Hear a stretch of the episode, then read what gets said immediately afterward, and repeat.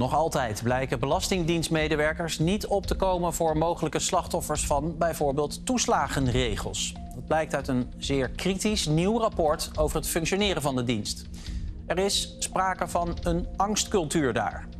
Verder in het nieuws vandaag.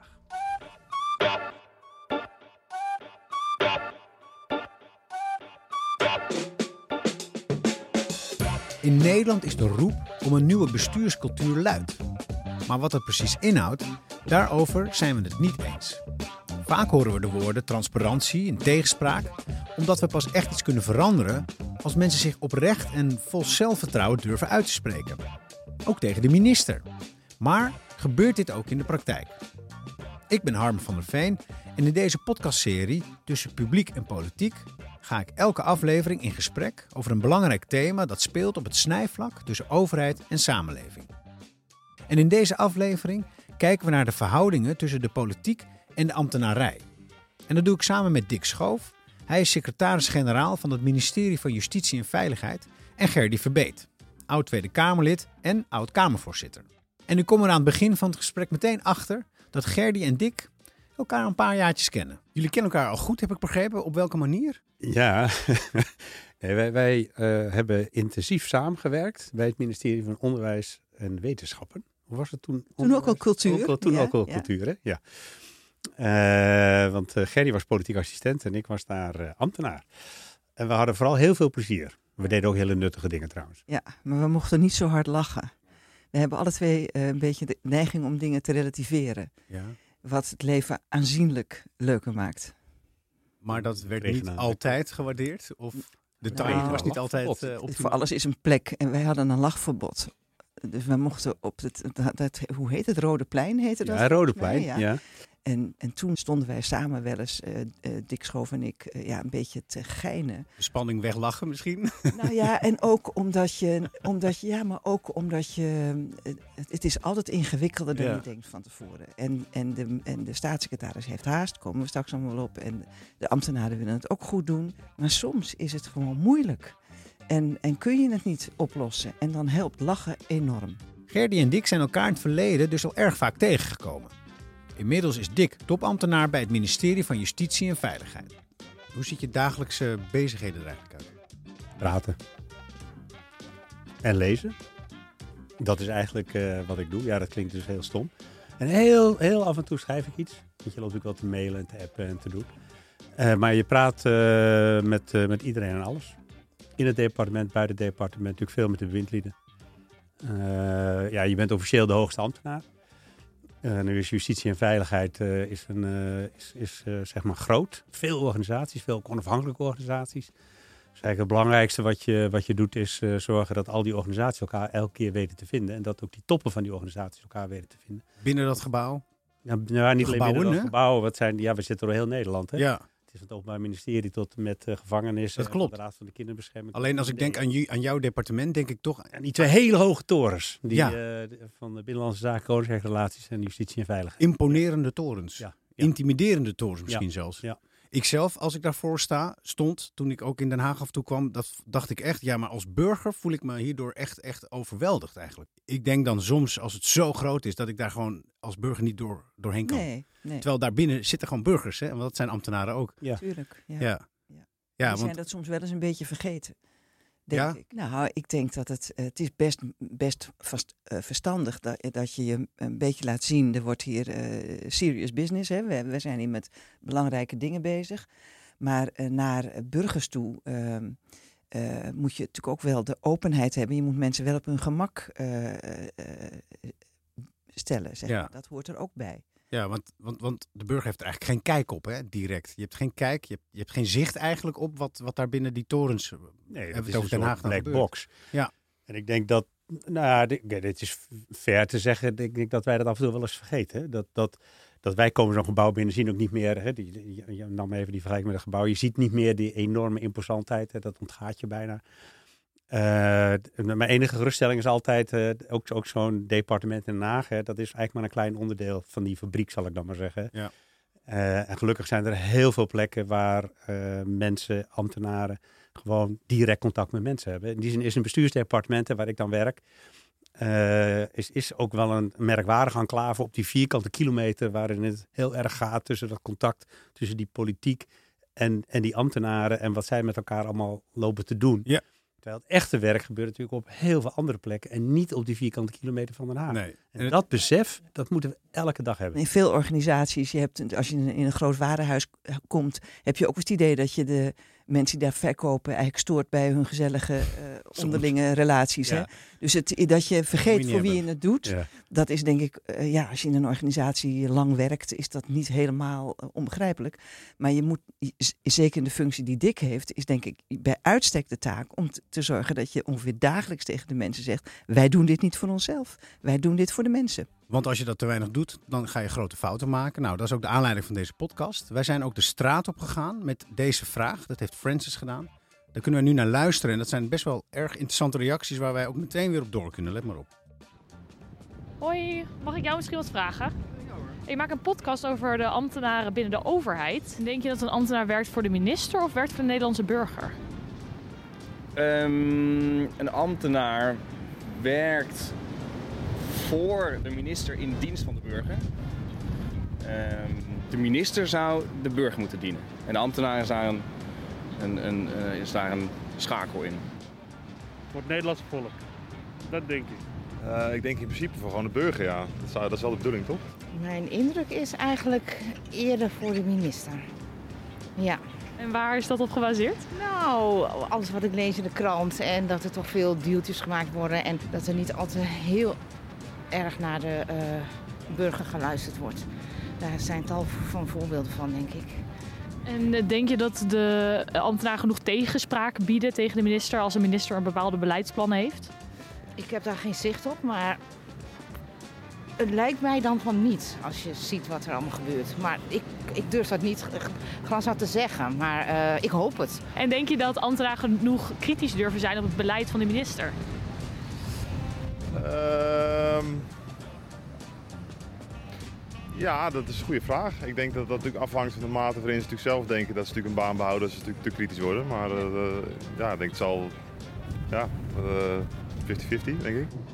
Mm, Ja, dat vraag ik me af. Dat vraag ik me af. Ik weet niet. Ik, de praktijk eh, wijst niet altijd eh, dat uit. Gerdy, als je dit hoort, wat is het eerste wat jou opvalt? Nou, dat die mensen allemaal eh, daar goed over nagedacht hebben en dat er hele verstandige dingen over zeggen. Dat het een lastig, eh, ik denk dat niem, ja, staatsrechtelijk. Ja, ik, volgens mij hebben alle ambtenaren ook een eed afgelegd op de grondwet. Dus in die zin eh, moeten ze wel naar hun eed handelen. En dus altijd in het belang van de gemeenschap handelen.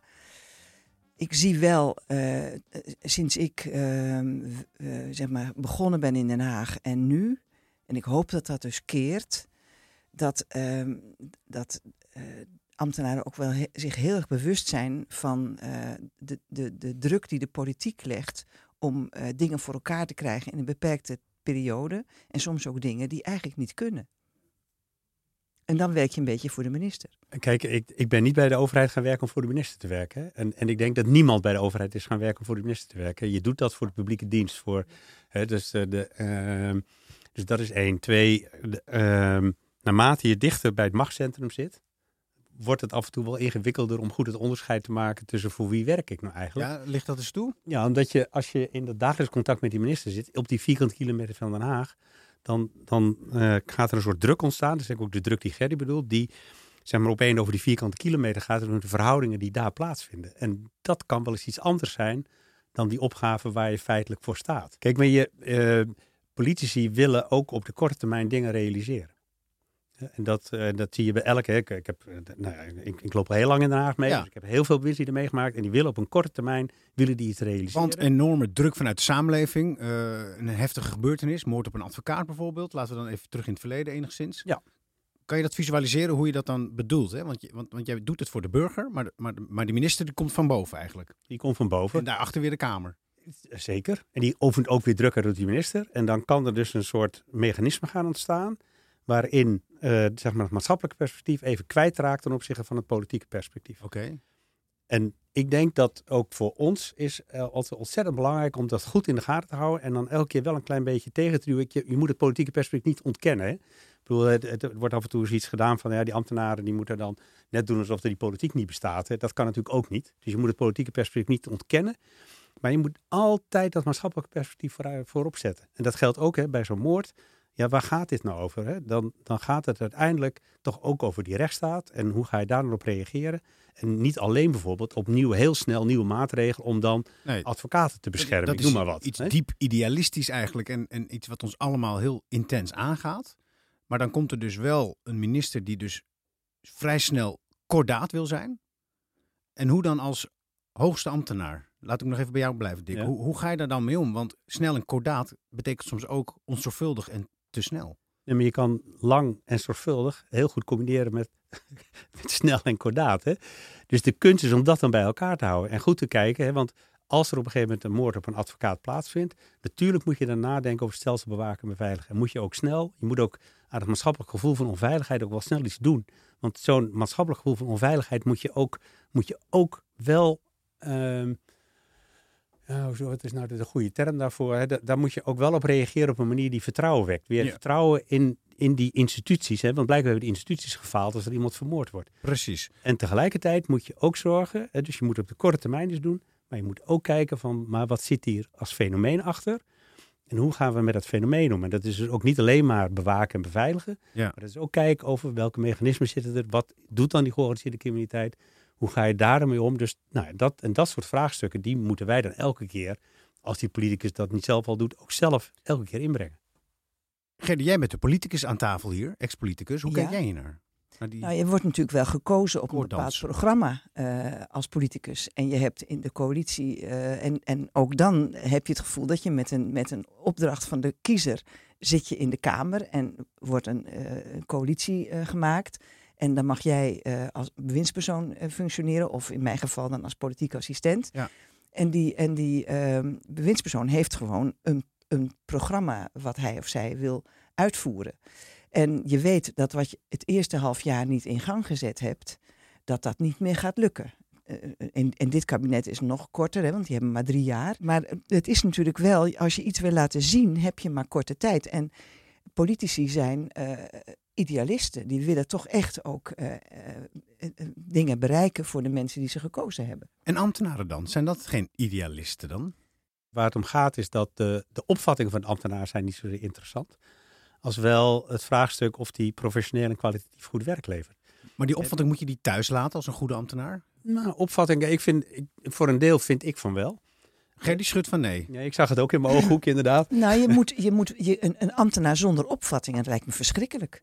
Ja, dat is weer het andere uit. Snap je? Ja. Dus, dus het, je moet wel iemand hebben die een, een eiklad heeft, een, een eigen set van, van, van meningen. En ik denk dat dat goed is als, als de SG en de, en, de, en de ambtelijke top in het begin met een, met een minister daar ook over, open kaart over spelen. Van, eh, hè, maar dat je ook met, met elkaar eh, zegt van wat wilt u nou bereiken? Eh, Wat is uw stip op de horizon? Eh, wat zijn de stappen die u graag wil zetten? Wanneer zou u nou eh, tevreden terugkijken? Dan weet je van elkaar wat eh, eh, belangrijk is. En vervolgens bewijs je de bewindspersoon alleen maar een dienst als je eerlijk zegt wat kan en wat niet kan. En niet wat je vindt en wat je liever niet vindt. Nee. Precies, en dat, vind, dat, en dat bedoelde ik met opvatting. Hè. Dus inderdaad, Ja. wat kan en wat niet kan, maar niet van wat ik vind of wat ik. Dat is niet zo interessant. Dat kan leuk zijn overigens, hè, want misschien dat je dat nog wel een keer kan doen, maar daar gaat het in essentie niet om. Dus als je kijkt, hè, dus we hebben nu net het coalitieakkoord gehad. En wat je ambtelijk doet, is zo'n eh, zo'n akkoord onmiddellijk zeg maar, helemaal eh, uitrafelen. Zeg maar. En vervolgens kijken hè, welke middelen hebben we gekregen, wat kunnen we doen. En in gesprek met de bewindslieden, we hebben met alle drie de bewindslieden, in mijn geval, hebben we intensief gesproken over, ja, dit coalitieakkoord ligt er nu.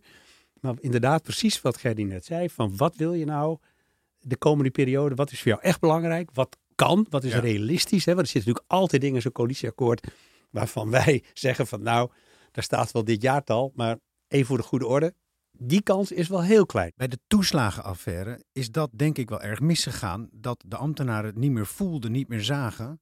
En blind iets uitvoerden wat misschien niet helemaal in orde was. De wetgeving. Maar dat het voor de burger een extreme impact heeft gehad. Is, daar, is, daar, is dat een voorbeeld van dat, dat de ambtenaren het gewoon niet meer voelden? Kijk, ik denk het wel. Eh, niet meer door hadden wat eigenlijk het systeem deed. Eh, de, ehm, en, eh, maar laat, ik, ik, heb de neiging even. Kijk, wat het in ieder geval heeft gedaan, is dat eh, nu echt. Ik kom geen collega meer tegen die, die zich niet gerealiseerd heeft wat daar gebeurd is. En zit te kijken van, maar wat zijn wij eigenlijk aan het doen? En kan dat bij ons ook? Klaarwakker. Klaarwakker, ja. Maar ook dan klaarwakker en bewust wat daar is misgegaan. Want dat is ongeveer waar we het nu ook over hebben. Is er nog contact tussen de ambtenaar en de burger? Ja, en is wat, het, het, het mag wel rechtmatig zijn, maar was het ook nog rechtvaardig? Dat, dat, en dat moet je, en, en dat vind ik ook een vraag die je ook ambtelijk echt mag stellen. Ja, maar, maar als ik dan aan één ding denk, hè, dat je als ZZP'er eigenlijk van tevoren moet gaan weten wat je gaat verdienen. Uh, ik ben nu een aantal jaren ZZP'er. En dan had ik nog een aantal dingen die doorliepen. Maar het is heel moeilijk om dat in te schatten. En dat, en dat, en dat zijn natuurlijk. Ik neem mezelf nou als voorbeeld, maar het slaat nergens op. De mensen die het echt getroffen heeft, hebben, maar hebben veel lagere uurlonen dan ik heb. En die moeten dan bedenken hoeveel kinderbijslag ze kunnen krijgen. Voor, ja, ik heb daar mijn eigen zoons gezien, die vonden dat buitengewoon ingewikkeld. En ik kan me herinneren toen, toen ik, uh, en het zal vast nu beter zijn, maar toen, toen ik bij OCW werkte, de brieven die naar scholen gingen, die las ik dan wel eens. Ik geen idee wat er stond. Echt niet. En ik denk dat voor burgers die formuleren en die vragen, dat jullie echt overschatten uh, hoe complex dat is. Het is zo gedacht vanuit het systeem ja. en zo niet vanuit de mensen. En dat moet je volgens mij echt uh, wat aan veranderen. Nee, ik, vind het, ik vind het voorbeeld heel, heel mooi wat je geeft. Hè, want de, de, de, de, onbegrijpelijke brieven. Dan gingen we allemaal redactieslagen maken. En dan gingen we speechschrijvers inhuren. En dan moest het allemaal op, uh, uh, weet ik veel hoe we dat precies allemaal noemden, maar een eenvoudige taal geschreven. Maar dat was eigenlijk niet de kern van het probleem. De kern van het probleem is dat we met elkaar het zo ingewikkeld gemaakt hebben, dat mensen het domweg niet meer begrijpen. Zoals je net zei, het kan rechtmatig zijn, maar dan is het niet meer rechtvaardig. Als je dat van binnen voelt, hè, als, als ambtenaar, dan moet je daar eigenlijk dan moet je, dan, dan moet je gaan opstaan en iets zeggen. Daar is moed voor nodig. Dat wens ik iedereen toe. Maar daar moet je ook je veilig voor voelen om dat te doen. Hoe creëer jij als, als hoogste baas in dit enorme departement de ruimte dat dus als een ambtenaar voelt het is niet rechtvaardig, wel rechtmatig, dat hij er wat van zegt? Ja, ja dat was binnen JNV, overigens, ik ben twee jaar geleden begonnen. Uh, uh, en toen was er echt een situatie waarin uh, grote vragen waren over sociale veiligheid binnen JNV. Hè. We hadden een aantal affaires gehad. Uh, dus, dat, dus deze vraag die is echt zeg maar, op maat gesneden, zal ik maar zeggen. Graag gedaan. Een van mijn prioriteiten, die ik aan het begin meteen de eerste dag dat ik daar binnenkwam zei, was van wij moeten naar een sociaal veilig werkklimaat. En dat is makkelijker gezegd dan gedaan. Zeker. en dat betekent echt, nou, echt de afgelopen twee jaar daar met met grote regelmaat op allerlei manieren in de communicatie en in gesprekken met mensen aandacht voor gevraagd. Bij de leiding, bij de medewerkers. Van hoe zorgen wij ervoor dat inderdaad die tegenspraak kan. En het overigens zelf laten zien. Hè. Mensen kijken enorm naar wat de top in een organisatie doet. Hè, in, de, in de hele linie. Dus bijvoorbeeld in de verhouding met de bewindslieden.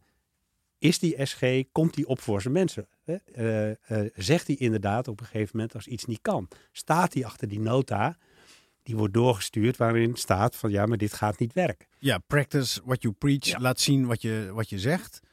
En de mensen moeten zich dan ook veilig voelen om dat tegen jou te zeggen. Van um, ik voel me hier niet goed bij. En ik weet niet precies wat. Maar is daar, dat, dat is echt makkelijker gezegd dan gedaan. Want zelfs jij zou dat niet eens door kunnen hebben. Terwijl je denkt dat je heel erg uh, open en eerlijk bent. Het CEO disease noemen ze dat. Hè? Dat, je, dat je eigenlijk niet meer goed naar jezelf kan kijken. Geen verwijt, maar gewoon een nee, vaststaand nee, feit. gewoon een feit. Ja. Maar de kunst is dus, ja, ja Gerdy Knik, herken je dat? Dat, dat, dat zie je, dat je, dat je bovenaan staat als de grote baas. Eerlijk, dat ben je gewoon. Of als minister. En dat je het gewoon niet meer, dat je het ook echt niet meer ziet. Van, ja. uh, blijf, blijf op de grond. Aarde houden en, en, en, uh, en eerlijk blijven. En ik heb wel eens, uh, en ook met, met Ad Melkert, waar ik daarna voor gewerkt heb, dan zaten we in de auto en dan zat hij ontzettend te mopperen. Waarom moet ik hier naartoe? Ik zeg omdat je dat drie weken geleden een goed idee vond. Dus je moet ook wel tegenspraak geven. Er zijn er niet zoveel die dat durven en kunnen. Nou, maar je kunt dat Hoe met je dat trainen? trainen. Hoe dan? Nou, daar heb je denk ik ook alle rollen spelen. En je moet de mensen ook op belonen als ze dat dus goed doen. Maar ik wil het echt weten hoe dan, want we moeten wat leren. Ik ben, ik ben me ongelooflijk bewust van mijn rol. Hè. Ik, bedoel, ik, ik, ik, weet, ik weet ook nog dat ik gewoon als klein jongetje, uh, de, zeg maar, beleidsmedewerker binnenkwam. En dat je echt opkeek naar die top. Je, je realiseert je dat je Jij kan wel denken dat je uh, heel toegankelijk bent en heel normaal en nog steeds dik schoven bent. Maar de organisatie en die mensen, die, die trainee die net binnen is gekomen, die kijkt, eh, en, en die overigens de afgelopen twee jaar niet eens op kantoor is geweest. Als die in, in een videocall heeft, dan denkt hij niet van, nou ik ga eens even lekker een vrolijk gesprek met die man beginnen. Maar hoe doe je dat? Die, hoe zorg je ervoor dat hij dat, dat wel dat die, durft? dat die man of vrouw dat wel durft, Ja. is toch het klimaat creëren. Dus ik heb, ik heb ook de afgelopen periode, nou we hebben, dankzij overigens diezelfde COVID en, en de altijd videoconferenties, heb ik onwijs veel mensen gesproken. Want zo'n videoconferentie heb je sneller opgezet dan welk gesprek dan ook. Is dat iets wat je door het scherm dan ook kan uitstralen? Ja. Ja? Moeilijker hè? Ja. Maar het lukt, het lukt wel. Lukt wel, vind ik. Ik heb veel, ook veel van dat soort gesprekken gedaan. Ik vind als, er, als mensen echt een probleem hebben, echt emoties zijn, ik kan het haast niet. Want ik kan ze niet lezen. Ik kan niet die gezichtsuitdrukkingen genoeg, eh, genoeg zien. Maar rollen spelen geloof ik wel heel erg in. En ook natuurlijk jezelf kennen. Ik, ik werd toen aan het eind, eh, eh, toen ik eh, na die vier jaar, waren een groep medewerkers van OCW die, die het wel een goed idee leek dat ik daar ook een managementrol zou gaan vervullen. Na, dat, na die periode. En toen heb ik daar een, een, een, een onderzoek voor gedaan hè, bij zo'n bureau. En toen zei die mevrouw heel eerlijk, u zou dat wel kunnen, maar we weten niet of u het leuk vindt. En toen heb ik bij mezelf heel eerlijk vastgesteld, ik ben niet echt een goede eh, leidinggevende. Omdat ik eh, daar toch ook eh, te ongeduldig voor ben zelf. Dus en, ik, en, en te veel energie heb. En ik kan me dan niet zo goed verplaatsen in het feit dat mensen wel eens moe zijn. En, we, en, dat, dus en wat wil je hiermee zeggen dan? nou, die moet ook jezelf. Dus ik hoop dat de mensen die, die aan de top van het departement zitten. Ook ehm, zich bewust zijn of ze wel de juiste karakterstructuur hebben. om inderdaad die open uitstraling te hebben. En anders, ik denk dat je alles kunt leren. Maar je, eh, je moet het ook leuk vinden om, ehm, om zo toegankelijk te zijn. En ook. eh, eh, dat, moet, dat, dat, dat kon ik niet toen ik 40 was. Ik Nee. denk dat ik dat nu veel meer zou kunnen dan toen ik zo jong was. Toen wilde ik gewoon actie en, en opschieten, weet je. En op maandag om negen uur wilde ik niet maar iemand vragen hoe zijn weekend was. Eerlijk gezegd, dat boeide me ook niet. Maar dus jij zou niet zo'n goede leidinggevende geweest zijn toen? Nee, misschien nog steeds ik ben niet. veel te resultaatgericht, denk ik, daarvoor. En Dick, ben jij, ja, je knikt heel Ja, erg. ja, nee, ben jij eigenlijk ik- zoals Gerdy? Ja, ik ben eigenlijk zoals Gerdy. Ik Dan ook- zegt Gerdy eigenlijk ook- dat je ongeschikt bent om Ja, leiding te geven. Ja, maar, nee, maar, ze- je moet nee, maar werken. Gerdy, zei ook van eh, werken en je kan, het, je kan het ook leren. Oké, en dat Dus, is eh, gelukt. de, de, nou, ik denk dat ik een heel eind ben gekomen. Hè, want eh, de, inderdaad, ik zat ook zo in elkaar. Ik ging ook niet 's ochtends om negen uur eh, vragen hoe iemand zijn weekend was. Want dan stond ik al vol in een werkmode. ja. Hè, dat Maar is, nu eh, moet je dus tijd nemen om dus je moet anderen er- het gevoel te geven dat ja, je moed tijd klinkt zo, eh, hè, dan, dan heb je het niet echt geïnternaliseerd, zeg maar. Hè. Dus, eh, de, Nee, maar ja, dus je, je, Je eh, doet het. Je, ja, je doet het en, je, ja, je, ik, en ik denk dat ik basically ook wel meer geïnteresseerd ben. En dat- feedback vragen, denk ja. ik. Ik denk die 360 graden Oh, dat is onderzoeken, fantastisch. dat moeten Ja. mensen zichzelf cadeau doen. Dat je, het is hartstikke pijnlijk natuurlijk. Eh, van ze lacht altijd om haar eigen grapjes. Dat, ik weet zeker dat dat eruit zou komen. Is het nog waar ook, weet je. Heb- was ik, zo- hè? En dat moet je dus terugkrijgen. En dan denken van, dat is dus blijkbaar kwetsend voor andere mensen. Een topambtenaar moet ervoor zorgen dat er een open en veilige sfeer heerst voor zijn collega-ambtenaren om zich uit te kunnen spreken. En Gerdy benadrukt dat het ook voor ambtenaren belangrijk is om in contact te blijven met alle lagen van de samenleving. De burger moet gezien worden. Zo kan er op tijd worden ingegrepen wanneer er iets fout gaat bij de vertaling van beleid naar uitvoering. De CJIB heeft dit in het verleden toegepast. Dick vertelt hierover. Ik zat even te denken aan een, aan een, aan een eh, geslaagd voorbeeld ergens in de, in de justitiewereld. eh, dat is bij het CIB. Hè. Dat, dat kennen alle Nederlanders wel, want dan betaal je met enige regelmaat boetes aan. Tenminste, ik geloof dat iedereen het al ongeveer overkomt. De brief uit Leeuwarden. Hè, de brief uit Leeuwarden. Eh, dat leidde overigens ook soms tot hele eh schrijnende situaties, omdat het CIB gewoon koet koet doorging met die boetes in. Tot en met de deurwaarder en niet keek naar de persoonlijke omstandigheden van de mensen die er eigenlijk achter zat. Want het was gewoon een incassofabriek, punt. Ze hebben enig moment hebben ze de omslag gemaakt, omdat ze doorkregen dat als zij maar doorrenden, dat ze eigenlijk de mensen totale ravijn in. En wat ze nu doen is, want nog steeds 95% van de boetes kan gewoon automatisch worden geïnd, dus daar hoef je, hoef je niet over na te denken. Maar ze hebben nu een aantal systemen in place, ook samen met de Belastingdienst trouwens, en ook de toeslagenaffaire heeft dat nog weer geïntensiveerd, waarin ze kijken, ja, maar kunnen wij hier wel eigenlijk die boete innen?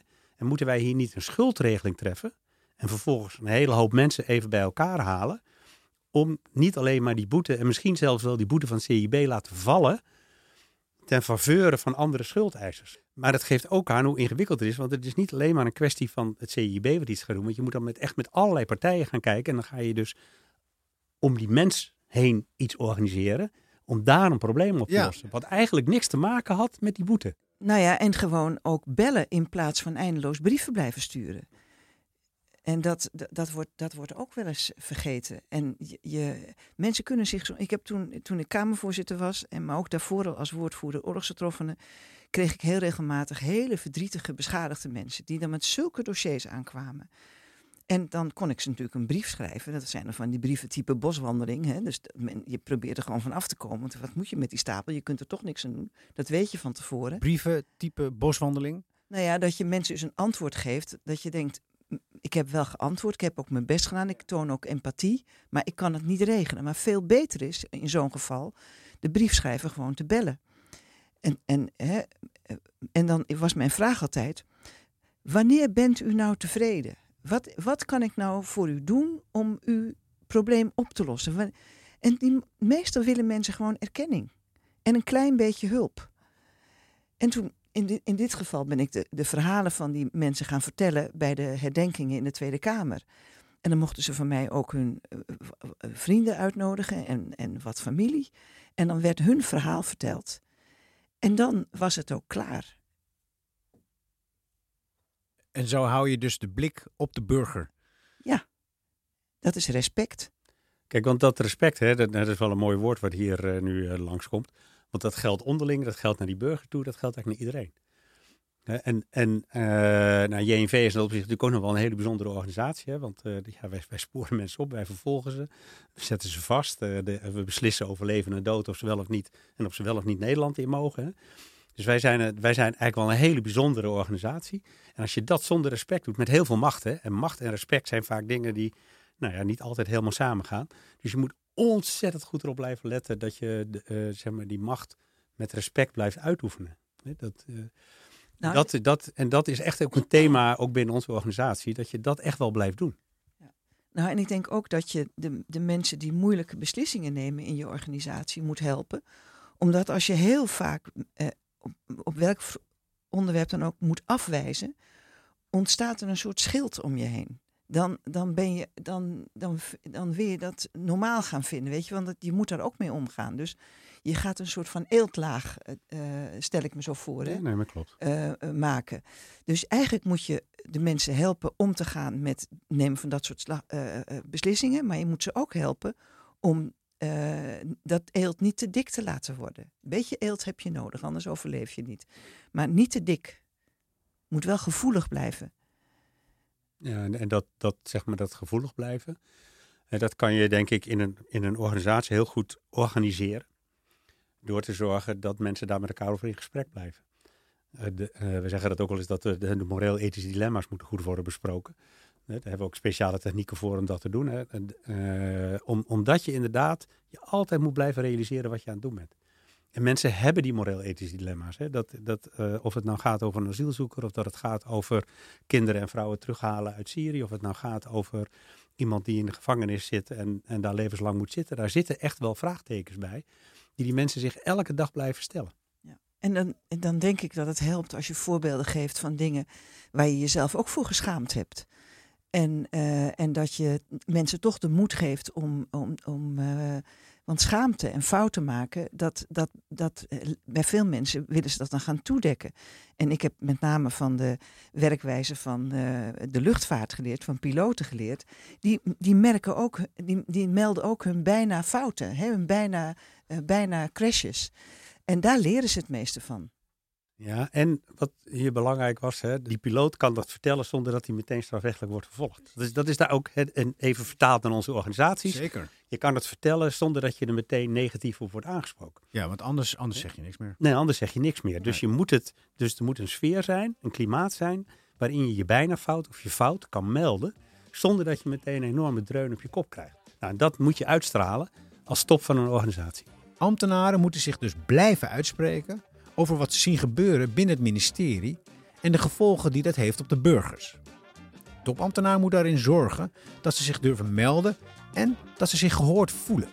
en vervolgens zorgen dat de minister ook goed op de hoogte is en zich gesteund voelt. In de volgende aflevering van Tussen Publiek en Politiek praat ik met Kim Putters en Michelle Blom over het vertrouwen van Nederland. Het vertrouwen in de politiek daalt, maar wat betekent dat voor ambtenaren? Hoe gaan topambtenaren daarmee om? En hoe kunnen ze dat vertrouwen weer terugwinnen?